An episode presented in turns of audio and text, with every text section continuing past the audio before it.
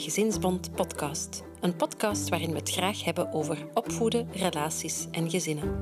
Ik ben Marijke, educatief medewerker bij Gezinsbond en mama van twee lieve, energieke jongens. Wat wens jij voor je kinderen? Dat ze gezond en gelukkig zijn? Gezondheid, mentale gezondheid, weerbaarheid, veerkracht. De rekker rekt en dan misschien niet meer. Hoe kan je als ouder of grootouder je kind of kleinkind ondersteunen en helpen om die veerkracht in zichzelf te laten groeien? In deze reeks van Gezinsband podcast gaan we in gesprek met enkele experten over geluk en veerkracht. In de aflevering van vandaag hebben we het over veerkracht bij tieners. We vertrekken bij deze aflevering graag vanuit de verhalen van de tieners zelf. Wie ons daarbij op weg kan helpen? Ah wel, ik vertel het je graag. Vandaag mag ik videobellen met Sibyl de Klerk, coördinator van AWEL. Ah wel, dat is de kinder- en jongerentelefoon, maar ondertussen ook al veel meer dan dat. Ah wel, daar kunnen kinderen en jongeren terecht met hun verhaal. Daar vinden ze een luisterend oor. Daarnaast is Sibyl ook onderzoeksmedewerker bij Odyssee Hogeschool. En misschien zelfs nog veel meer dan dat. Dag Sibyl, welkom in onze podcast. Ik ben echt heel blij dat je erbij bent vandaag. Dat is geheel wederzijds. Veerkracht, Sibyl, wat is dat voor jou? Goh, dat houdt eigenlijk vooral in dat je het goed kan doen, ondanks de tegenslag die je tegenkomt. Het gaat eigenlijk over de manier waarop dat we omgaan met moeilijkheden die, we, die ons pad kruisen. En het gaat er voor mij ook om bij veerkracht dat je durft verbinden met anderen en je kwetsbaar durft op te stellen, om eigenlijk zo ja, aan jouw weerbaarheid te gaan werken. Mm Oké. Als ouder van een tiener is het vaak een uitdaging hè, om je kind te lezen en te kunnen inschatten wat er allemaal leeft. Hè. Je wil eigenlijk gewoon graag dat je kind gelukkig is en dat hij veerkrachtig in het leven kan staan. Hoe je als ouder kan zien of dat je tiener veerkrachtig is, dat is niet altijd zo evident. Dat is ook verschillend van kind tot kind, denk ik. Maar bij AWEL horen jullie wel heel wat verhalen hè, van de jongeren. Tussen 14 en 17 jaar, denk ik, dat je mij gezegd hebt op voorhand. Ja, wat geven jongeren zelf aan of wat zijn de verhalen? Ja, AWEL voert eigenlijk zo'n 30.000 gesprekken per jaar met kinderen en jongeren. En we doen dat via telefoon, chat, e-mail en via een interactief forum. En de meeste van die gesprekken kunnen we eigenlijk bundelen in twee grote thema's. Het gaat over interpersoonlijke relaties en het gaat over mentaal welzijn.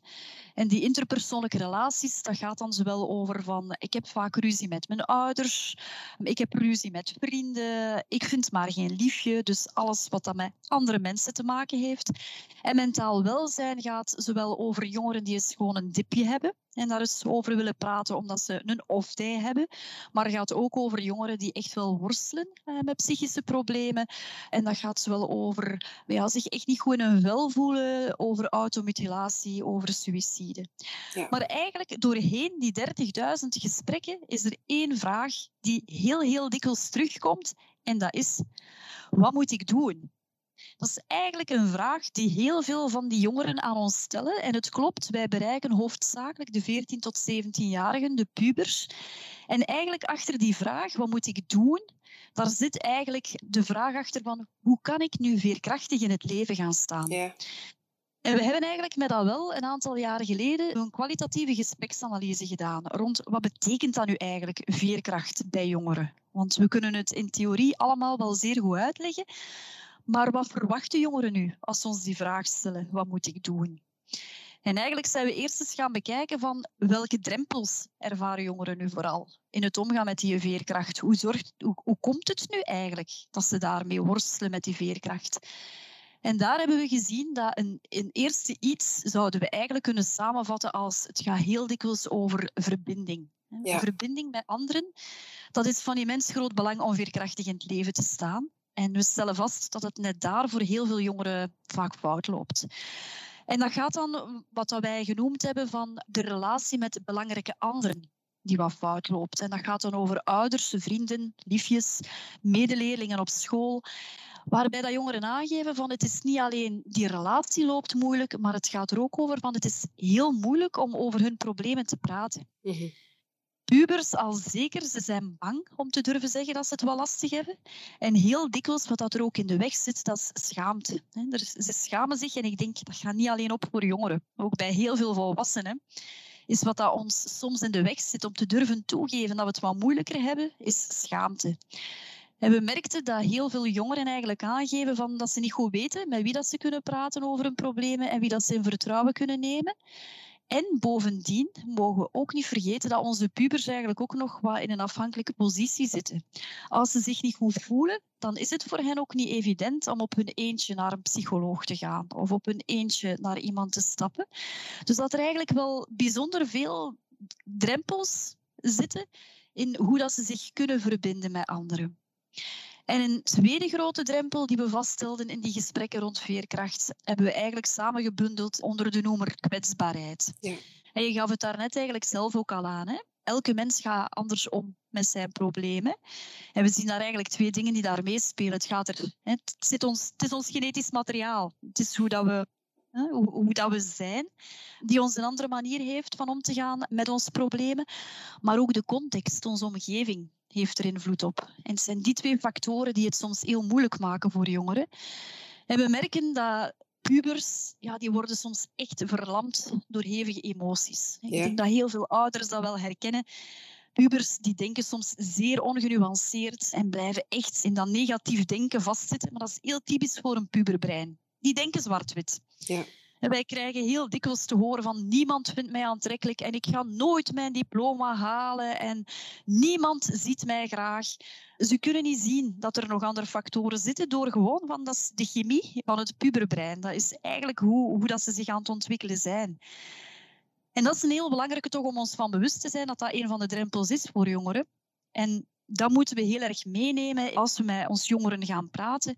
Van, hè, verbinden is voor hen moeilijk en ook hun kwetsbaarheid is een moeilijke. Ja, verbinding, dat is zo'n woord dat we tegenwoordig zo heel vaak te horen krijgen. Hè. Kan je zo eens concreet maken wat, wat dat je daar juist mee bedoelt, Sibyl?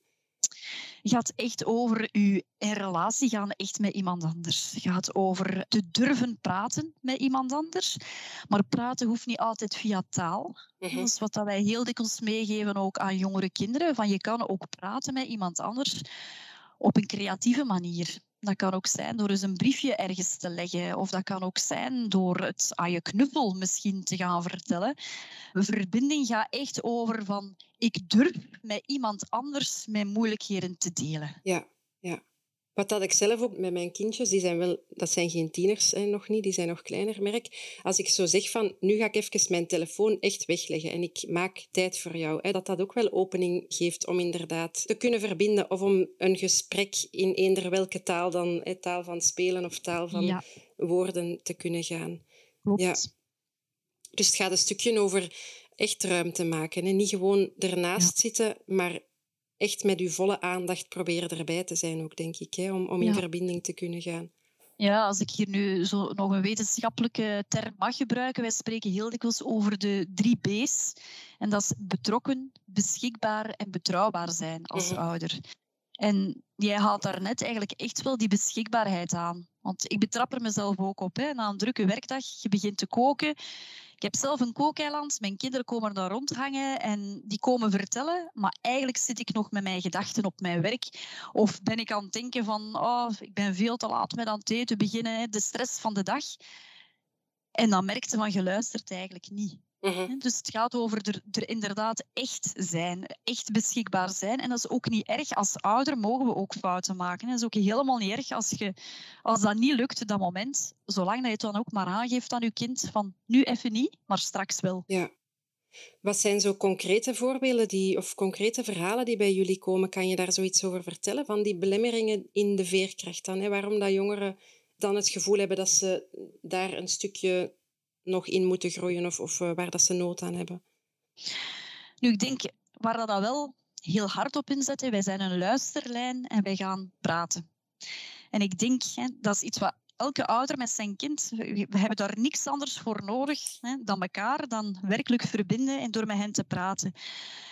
En wat wij heel ver op inzetten bij jou wel, dat is empathie. Wij zetten empathie echt centraal in het gesprek dat we gaan voeren met jongeren. En dat klinkt verrassend eenvoudig, dat we vooral empathisch moeten zijn. Maar zo eenvoudig als dat, dat klinkt, zo moeilijk is dat soms om empathie in de praktijk te brengen. Want dat is zo'n groot begrip. En we zeggen altijd, empathie is geen sympathie, maar, maar wat is het nu eigenlijk wel? En ik, ik probeer het eigenlijk ik zal het aan de hand van wat concrete tips proberen wat te verduidelijken hoe dat wij bij ons aan de lijn of op het scherm, hè, we voeren ook chatgesprekken, proberen die een empathie echt in een gesprek te krijgen. En een eerste tip die wij daar altijd bij geven is van laat uw puber er gewoon zijn met zijn of haar probleem. Het kind mag er zijn. En ga, ga de moeilijkheden van dat kind niet gaan rationaliseren of gaan minimaliseren. En ik gebruik hier altijd het voorbeeldje vanuit mijn eigen jeugd. Toen mijn eerste liefje het uitmaakte, dan zei mijn mama, ah, weet de meisje dat ze werkt niet? Er zijn nog mama's met zoontjes. En ik vond dat verschrikkelijk, want dat werd zo precies niet gedaan. Ik mocht niet verdrietig zijn.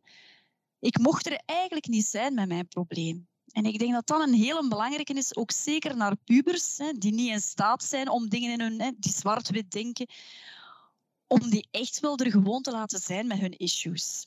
En dat niet onder de mat te gaan vegen of die niet kleiner te maken. Want wat dat een probleem is voor uw puber, dat is werkelijk een probleem voor mm uw puber. En dat is ontzettend belangrijk om de veerkracht van jongeren te gaan vergroten. Om ze er echt, dat ze ook het gevoel hebben van hier mag ik, hier kan ik thuiskomen met mijn verhaal. Om te even wat het is, ik mag er zijn. En een tweede tip die we kunnen meegeven rond dat, dat grote begrip empathie is van bied ook troost of geruststelling aan uw puber. En dat gaat bij pubers inderdaad niet meer van hey, kom dus op mijn schoot zitten en huil dus uit. Maar wat dat bij pubers helpt, is gewoon van ze mogen hun problemen delen met u. En eigenlijk het feit, je kunt dat u eigenlijk ook visualiseren, van je pakt als het ware echt even dat probleem van die jonge schouders, je legt het ook een stukje op uw schouders. En een gedeeld probleem, als het op beide schouders ligt, dat weegt plots al een pak minder zwaar voor die jongeren. Mhm. En die heeft dan heel veel het gevoel, dan heeft uw puber ook het gevoel, ik sta er eigenlijk niet alleen voor. Ik kan het hier delen. En zonder dat het dan grote kans dat jij ook het antwoord niet weet of ook de oplossing niet hebt. Maar een gedeeld probleem weegt al een pak zwaarder. En daardoor creëerde ook echt wel veiligheid voor uw puber. Dan geef je eigenlijk aan van, ga, ik begrijp u en ik ga u nu uitlachen. Je hoeft u niet te schamen naar wat dat hier afkomt. We gaan samen eens bekijken van wat we hier mogelijk zouden kunnen aandoen. En dat vraagt dan, en dat is een derde tip die we geven bij empathie, verbeeldingskracht van jou als ouder. Je moet je eigenlijk echt kunnen inleven in de wereld van je puber. Mhm. We merken heel dikwijls dat gesprekken vastlopen omdat we direct ons eigen verhaal gaan, gaan inbrengen. Ah, weet, ik heb dat ook meegemaakt. Ik denk dat we dat allemaal herkennen. Hè? Ja. ja, nee, het gaat over het verhaal van uw kind. En we moeten ons proberen, we noemen dat het perspectief van de andere gaan aannemen, maar dat gaat eigenlijk over u gewoon kunnen inleven in, in het verhaal waarmee dat uw puber komt. En wat dat jij ook net aangaf, ja, soms heb je die ruimte niet. Hè. Heb je zelf geen ruimte in je hoofd om, om je kind dan toe te laten? Benoem dat dan ook. Want weten nu eventjes niet, maar vind het oké dat we het er morgen vroeg even over zullen hebben. Als je bij jezelf voelt van ik zit veel te veel vast in, in mijn eigen hoofd, ik zit veel te veel vast in mijn eigen verhaal, geef dat dan ook mee, zodanig dat het moment dat je in gesprek gaat, dat je eigenlijk echt wel de mentale ruimte hebt om echt ook te luisteren. Ja, en wat ik jou ook een beetje hoor zeggen, Sibyl, is dat we soms denken we van empathisch zijn. Ik moet in, teruggaan naar mijn eigen tienertijd, hè, of moet ik het noemen, mhm. of pubertijd. Hè.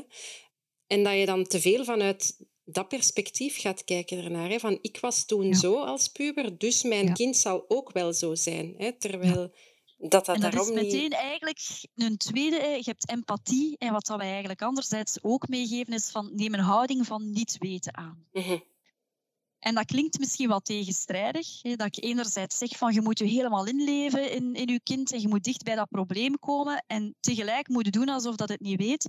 Maar het is net door heel nieuwsgierig te zijn en niet te gaan terugdenken aan uw eigen jeugd. Maar vooral nieuwsgierig te zijn van ah, wat betekent dat nu eigenlijk voor u? En waarom voelde jij je zo? En door ook af te checken van begrijp ik dat nu goed wat dat je hier aan het vertellen bent, dan blijf je eigenlijk echt wel dicht bij het verhaal van uw kind. ik zeg heel dikwijls aan ouders van, stel je maar wat bescheiden op in een gesprek met uw puber. Jij weet ook niet alles. Het is niet omdat we zoveel jaren ouder zijn dat wij de waarheid hebben over hoe dat ons kind zich voelt of wat dat ons kind denkt. Is, We willen eigenlijk net wel weten van ja, hoe voelde jij u en wat denkte jij? En wat dat je daarbij heel veel kunt doen, is samen zoeken naar, naar woorden om de dingen te gaan benoemen. Maar als je taal kunt geven aan dingen, dan helpt dat eigenlijk ook al heel veel. En we hebben daarnet gezegd, hè, van voor de ene jongere gaat dat al gemakkelijker dan voor de andere. Sommigen zijn verbaal heel sterk en dan komt er echt een gulp, een, een woordenstroom. Bij andere jongeren moeten zo eens wat gaan koteren. Hè? Want ik, ik, ik voel dat er iets scheelt. Maar wat scheelt er nu eigenlijk precies? Maar het helpt echt wel om veerkrachtig in het leven te staan als je de dingen kunt benoemen. Als je mhm. echt taal of woorden kunt geven. En daar kun je als ouder ook, ook echt wel bij helpen. Door niet de waarom-vraag te stellen. Want dan heeft je puber heel, heel erg het gevoel van ik moet hier precies verantwoording gaan afleggen van hoe dat ik mij voel. Maar door dus heel nieuwsgierige vragen te gaan stellen. Van, ja, weten, vertel dan nu een keer van ik ben eigenlijk ben super benieuwd om te horen van waarom dat jij je nu zo voelt. En dat zorgt ervoor, doordat die houding van niet weten aanneemt, dat uw puber ook wel makkelijker gaat durven praten. Ja. Nu, naast die een, empathie, en dat gaat, empathie gaat eigenlijk, als we het een ander woord willen geven, gaat echt wel over erkenning geven, hè, van jij mag er zijn. En die houding van niet weten, dan eh, zien wij nog een derde iets als belangrijk iets om, uh, om de veerkracht van jongeren te gaan vergroten. En dat is als ouder eigenlijk een betrouwbare bron van informatie zijn. En wij hebben daar bij wel ook heel veel mee geworsteld. We bestaan 40 jaar dit jaar. En ik herinner mij, ik ben er zelf 15 jaar bij. En ik herinner mij nog, toen ik er helemaal in het begin bij was, het woord oplossing, dat was zo precies een vies woord in onze organisatie. want we stelden ons nieuwsgierig op. En we wilden jongeren net veerkrachtig maken door ze zelf naar die oplossing te laten zoeken. En er werd het beeld zelfs gebracht van ja, wij hebben hier ook geen lade met oplossingen tegen pesten. Dus mhm. een kind moet zelf de oplossing vinden. Maar we merken zelf ook, daar ligt een spanningsveld. Ja. En als, als uw kind met heel concrete vragen naar jou komt en je hebt het antwoord, dan mag je dat ook geven. Want dat voelt ook bijzonder gek, mocht je dat niet doen op zo'n moment. Want een, een kind komt net naar u, omdat ze ook weten van, ha, ons mama of ons papa, die heeft best wel, wel wat ervaring. En, en, en, ik wil wel een keer weten van hoe dat zij daar naar kijken. Ja.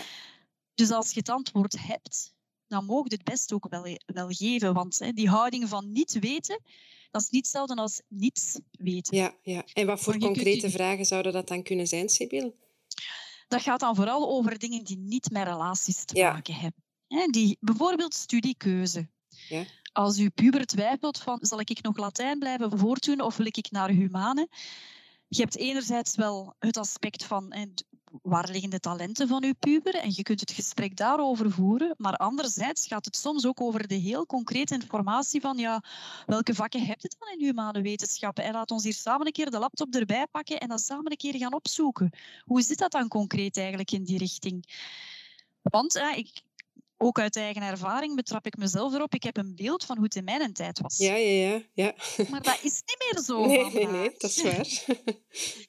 Maar jij hebt wel soms, soms een puberbrein denkt daar, ze zijn zo online en we denken dat ze alles wel weten te vinden via dokter Google. Maar dat is niet. En heel veel van de informatie die ze online vinden, is ook niet in jongerentaal geschreven en is voor hen bijzonder ingewikkeld. Maar die kracht heb jij wel als ouder, dat jij wel die informatie snapt die we op het internet vinden. En zo'n dingen kun je echt net wel samen met jouw puber gaan doen.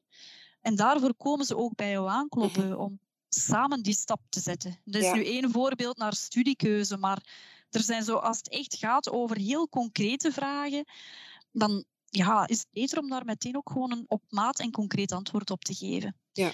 Maar het is een heel terechte vraag, van soms bij heel veel problemen waarmee dat jongeren bij ons komen aankloppen, ik zei het daarnet, het gaat over mentaal welzijn of interpersoonlijke relaties. En het is net daar dat we heel erg met onze veerkracht worstelen en daar zijn geen pasklare antwoorden voor. En wat wij dan bij wel heel fel op inzetten is het gaat nu weer wat wetenschappelijk klinken, maar ik ga mij wel wat, wat nader verklaren. Wij gaan jongeren gaan wegleiden van wat wij noemen de probleemgerichte aanpak en gaan toeleiden naar de emotiegerichte aanpak. En wat bedoel ik daar eigenlijk concreet mee? Ik ga het proberen uit te leggen eigenlijk met een voorbeeld. Stel, jullie zijn aan het scheiden. Dat is niet tof, ook niet voor uw puber. En wij merken bij jou wel dat wij heel dikwijls jongeren aan de lijn krijgen die dat probleem, die die scheiding willen aanpakken. Maar dat gaat niet. Zij kunnen er niet voor zorgen dat die ouders terug bij elkaar gaan komen. Zij kunnen er niet voor zorgen dat er geen ruzie meer gaat zijn thuis. Zij kunnen dat probleem niet gaan aanpakken, want het is eigenlijk een probleem dat buiten hen ligt. Wat dat we wel kunnen proberen, is de gevoelens die dat oproept bij je puber. Daar kunnen we wel mee aan de slag. Dat gaan wij ook heel veel gaan doen bij jou wel in de gesprekken. Van, ha, amai, hè, eerst erkenning geven, maar dat moet kei lastig zijn dat er zoveel ruzie is bij je thuis. En die onzekerheid van in welk huis gaat u nu gaan wonen, hè, moet super lastig zijn voor u. En vertel nu eens van hoe voelde jij u bij dit alles? En daar kun je wel mee aan de slag. Met emoties, hè, die zijn eigen aan die puber. Daar kun je echt wel heel concrete tips gaan geven wat dat ze daaraan kunnen doen. Dus probeer ook bijvoorbeeld als, als uw kind bij u langskomt en zegt van ik heb ruzie met mijn beste vriend. Dat is een van de veel voorkomende dingen bij pubers. Ze komen steeds meer los van hun ouders en ze gaan zich steeds meer gaan verbinden met vrienden. Maar heel dikwijls zorgt dat voor spanningen met vrienden, omdat ze nog niet zo goed in staat zijn om met problemen tussen hen om te gaan. Ja, dan moet je als ouder niet gaan zeggen, ik zal ik een keer bellen om Mieke, om het op te lossen. Dat is een probleemgerichte mhm. aanpak. En moet je ook niet direct gaan zeggen van, weet je, pakt u een telefoon en belt daar eens naar en babbelt dat uit. Ja, nee, dat kunnen ze net niet. Ja. Maar je kunt wel vragen van, hoe komt het dat jij daar nu zo verdrietig rond bent? Van, ik zie dat jij geraakt bent hierdoor.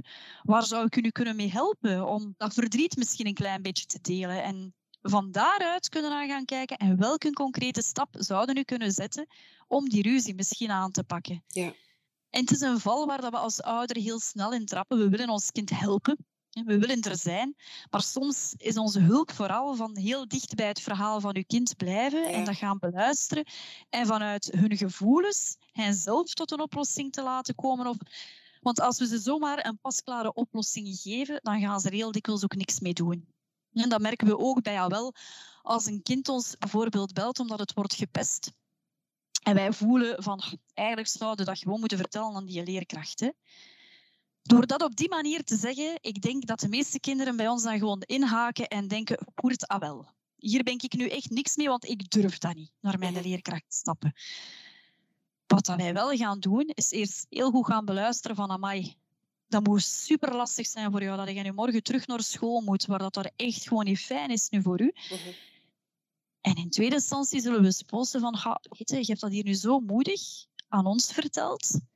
Misschien zouden dat ook durven vertellen aan iemand anders op school. En wie zou dat dan kunnen zijn? En stel dat jij nu morgen dat durft vertellen aan de leerkracht van het derde leerjaar, omdat je die een echt wel een toffe vindt en die vertrouwde, wel, hoe ga je dat doen? Ga je dat op je eentje doen of gaat iemand meenemen? Ga je dat tijdens de pauze doen? Ga je het misschien op een briefje schrijven wat dat wilt zeggen? Dus maak het ook dan op dat moment en zelfs ook voor pubers zo concreet mogelijk wat dat ze zouden kunnen doen. Mhm. En dat is eigenlijk iets wat we merken bij heel veel informatie die we zeker aan pubers geven. Ik zei het daarnet al, we gaan ervan uit, onze pubers zijn altijd online en die weten alles wel online te vinden. En wij hadden bij al wel eigenlijk ook die foute veronderstelling. Maar we weten, als wij een goede website maken en we zetten daar per thema heel veel informatie op, dan gaan er toch veel jongeren zijn die ons niet meer nodig hebben, die ons niet meer moeten contacteren, omdat ja, we hebben het daar uitgelegd van wat als ik mijn pil vergeten ben, wat de tien tips van als je verliefd bent en hoe dat het kunt gaan aanvragen. Wij krijgen al die jongeren wel nog aan de lijn, gelukkig maar, omdat ze iets hebben van ja, maar mijn situatie is net wel weer een beetje anders. Ja. En ik voel mij er misschien zo ongemakkelijk of raar of ja, ja, bang of, wat dan ook. zelfs niet wat dat daar staat. Van weten, dat is daar heel schoon uitgelegd. Maar eigenlijk, wat betekent dat nu? Dat klinkt heel mooi. Van durf te praten met iemand. Ik denk dat dat echt wel voor mij de nagel was wat ik heel veel op geklopt heb tijdens corona. Overal kwam er in het nieuws van ja, praat met elkaar. En ik dacht, ja, we moeten praten met elkaar. Maar hoe doe je dat? Dat is zo simpel niet, praten met elkaar. Nee, ik ben er hier al bijna een half uur over bezig, hoe dat we dat doen, praten met elkaar. En ik heb ook niet de waarheid in pacht. Nee. En dat is zo belangrijk ook naar onze pubers toe, dat we als we met hen praten, dat we het heel concreet maken. Want hun hoofd, dat kan dan niet aan, dat wij daar zo een heel grootste informatie in gaan steken. Maar dat kan dan wel aan als je dat behapbaar maakt, in stukjes doet. Ook een keer terugkomen op een gesprek en zeggen van kijk, we hebben het er nu over gehad. Misschien moet je het even laten bezinken en willen we het er van het weekend nog een keer opnieuw over hebben. En dat helpt voor jongeren als we heel heel dicht bij hen blijven. Dus met empathie, vanuit u heel nieuwsgierig opstellen. En die betrouwbare informatie zit er vooral in van maak ze concreet en ja, hakt ze in stukjes bijna. Mhm.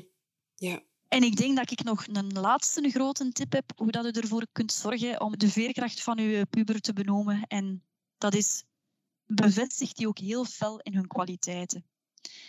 We zijn allemaal zeer goed om dan naar de problemen te luisteren of om hen te zeggen van waar dat ze het niet goed doen. Maar het feit dat uw kind bij u komt aankloppen met iets waar het het moeilijk mee heeft, hoe dapper is dat wel niet? Ja. Denk maar eens aan uzelf. Wat is het moeilijkste in het leven? Toegeven dat het lastig is. En toegeven van dat je ergens mee worstelt of dat je een probleem hebt. Dus eigenlijk al die 30.000 jongeren die per jaar naar AWEL bellen, dat zijn 30.000 supermoedige jongeren dat ze durven hun probleem te delen. Want dat is echt wel u durven kwetsbaar opstellen en even zeggen van ik kan het niet alleen. Ik, Mhm. ik heb eigenlijk wel iemand nodig die dit even met mij deelt. En door uw kind te gaan bevestigen in amai, ik vind dat eigenlijk wel schitterend dat jij mij dat hier komt vertellen. Of door te zeggen van amai, jij kunt dat hier keigoed uitleggen, hoe dat jij je voelt. Van hoe is dat al wel niet? Dat jij mij dat hier gewoon kunt vertellen, wat dat er in je omgaat. Dan gaat het zelfvertrouwen van je puber echt wel een duwke gaan geven en daarmee ook de veerkracht. Ja. En dat vergeten we soms. Van om hen ook heel fel te gaan bevestigen in amai, maar dat doe je eigenlijk al keigoed. Mhm. Ja, en wat ik daar dan ook bij denk, is misschien ook als ouder inderdaad zelf het durven toegeven als het even niet goed gaat. En dat je dat dan als voorbeeld kan stellen aan de pubers. Hè. Hebben ze daar ook iets aan? Zeker. Eh, practice what you preach, zeggen we dan. Hè. Ja. Ook als ouder moet je inderdaad niet, als je een, een mindere dag hebt, of ook als ouder heb je nog wel een keer ruzie met je partner, met je vrienden. Het is niet erg om dat ook toe te geven aan je kind. Mhm. Zolang dat het probleem maar niet bij je kind gaat liggen, maar gewoon ook meegeven van weten, ook bij mij lopen er eens dingen fout. Ja. En daar zit een heel grote sleutel om veerkrachtig in het leven te staan. Want dan verbindt u van twee kanten. Je vraagt niet alleen aan uw puber om naar u te komen, maar eigenlijk stelt u zelf ook kwetsbaar op. Want als ouder mogen ook fouten maken en kom jij ook dingen tegen. En dat is eigenlijk een oproep naar de ganse maatschappij voor iedereen die met pubers in contact komt. Het grote verschil eigenlijk om onderuit te gaan aan stress of om veerkrachtig door het leven te gaan, is net dat we anderen nodig hebben om onze veerkracht te hebben. Ja. Wij hebben andere mensen nodig. Dus ik kan alleen maar een warme oproep hier nog lanceren van als je in contact komt met pubers, van zorg dan voor, voor het echte gesprek. Mhm. Eentje met empathie, eentje waar dat u nieuwsgierig op stelt, eentje waar dat u behapbare informatie geeft.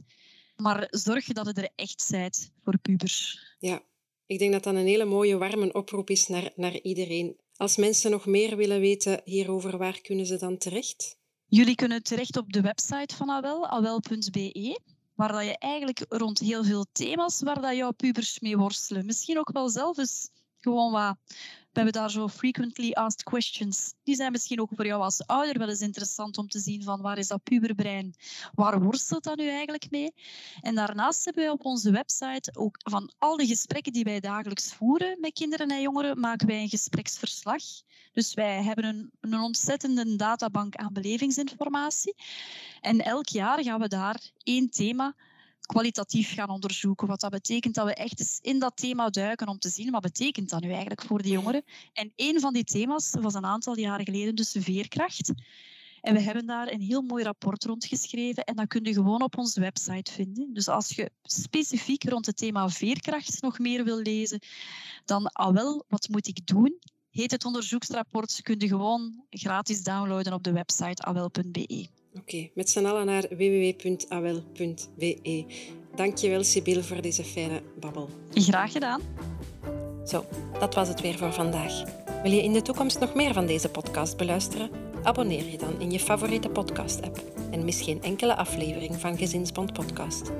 Laat ons weten wat je ervan vindt via een recensie in je favoriete podcast-app of stuur een mail naar podcast.gezinsbond.be.